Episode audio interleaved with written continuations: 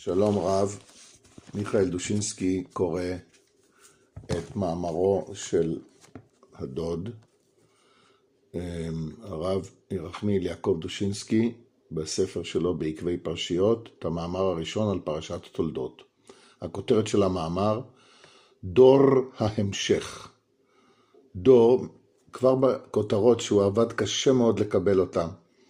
שימו לב איזה דבר נפלא. דור דור דור ודורשיו, לדור ודור, זאת אומרת מיד עולה לנו כל האסוציאציות של המשך הדורות, והוא גם אומר לא סתם דור ההמשך, הדור צריך להיות ממשיך של הדורות הקודמים. ואז הפסוק, שגם אותו הוא בחר, ועליו הוא יגיד את הדבר שלו, ותלך לדרוש, ותלך לדרוש את השם. כתוב ויתרצצו הבנים בקרבה, ותאמר אם כן למה זה אנוכי, ותלך לדרוש את השם. איפה דורשים את השם? תכף מיד נגיע לתשובה. וזה כותב, שואל המדרש, וכי בתי כנסיות ובתי מדרשות היו באותם הימים? והלא לא הלכה, אלא למדרש, למדרש של שם ועבר. אלא ללמדך שכל מי שהוא מקביל פני זקן כמקביל פני שכינה. גם השאלה וגם התשובה לא ברורים כל כך. נמשיך הלאה. נקרא את כל המאמר ובסוף נסביר אותו קטע קטע. אם אמנם היו לשם ולעבר בתי כנסיות או בתי מדרשות, מה, מה למד שם יעקב אבינו כל השנים? ומדוע הלכה רבקה לדרוש שם? או לדרוש שם, שם בעבר, אפשר לקרוא את זה בשתי צורות. שם, בנו של נוח, אנחנו יודעים לפחות דבר אחד שהוא עשה. קיים מצוות כיבוד אב, וערוות אביהם לא ראו, הוא קיים והדרת פני זקן, בכך שסירב לראות כל מום באביו הזקן. יחסי יראת כבוד לזקנים, לידיעתם ולניסיונם, לחלוק כבוד לזקני הדור, ולשמוע מפיהם את שאומרים לנו, שאל אביך ויגד לך זקניך ויאמרו לך, זוהי הדרך המובילה ליראת שמיים. יחס של כבוד לדורות שעברו, הוא גם הערובה לחיי כבוד. אם ראשונים בני מלאכים, אנו בני אנשים. ייתכן והדורות הקודמים ידעו פחות על טכנולוגיה, אולם הם ידעו הרבה יותר על מוסר ועל אמת. ותלך למדרשו של שם ועבר. ומי מדבר אליה שם? ויאמר השם לה.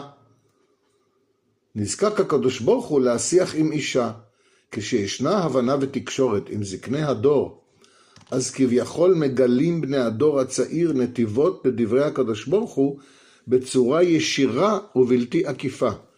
פונים בשאלות ובדרישות לזקנים, ונענים לא מפי בשר ודם, כי אם מפי הגבורה עצמה.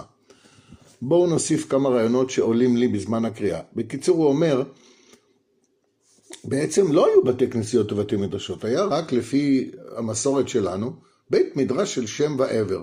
אוקיי? שם בנו של נוח ועבר בנו של שם, הם ישבו ולמדו. מה איזה תורה הם למדו? ומדוע, ומדוע היא הלכה רק לשם, דווקא לשם? הרי לא היו בתי כנסיות או בתי מדרשות כל כך הרבה כמו שיש בהם היום, וששם אפשר לשאול אנשים גדולי תורה אה, כל מיני שאלות אה, לגבי אה, איך להתנהג בחיים. מהדורות הקודמים. מה הלכה רבקה לראות? לראות מה שם ועבר מלמד. מה שם ועבר מלמד? לפחות מצווה אחת הוא קיים. הוא קיים בעצמו, וערוות אביהם לא ראו. הוא קיים בעצמו, והדרת פני זקן. הוא לא ראה מום באביו הזקן. הוא התחיל ללמד אותנו את הדבר הזה שנקרא יחסי יראת כבוד לזקנים. זאת התורה שהיא הלכה ללמוד.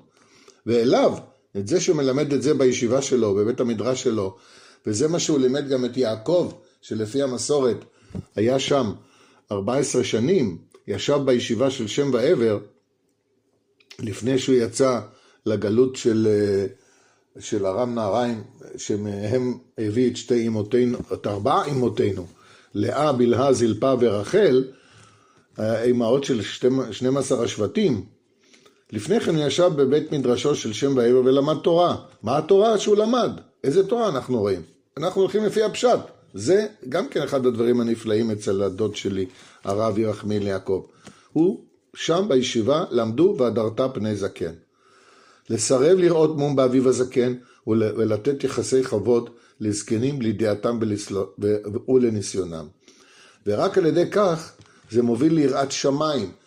ומי שעונה לה, וזה כל כך יפה, ותלך לדרוש את השם, ויאמר השם לה. איזה יופי של מאמר.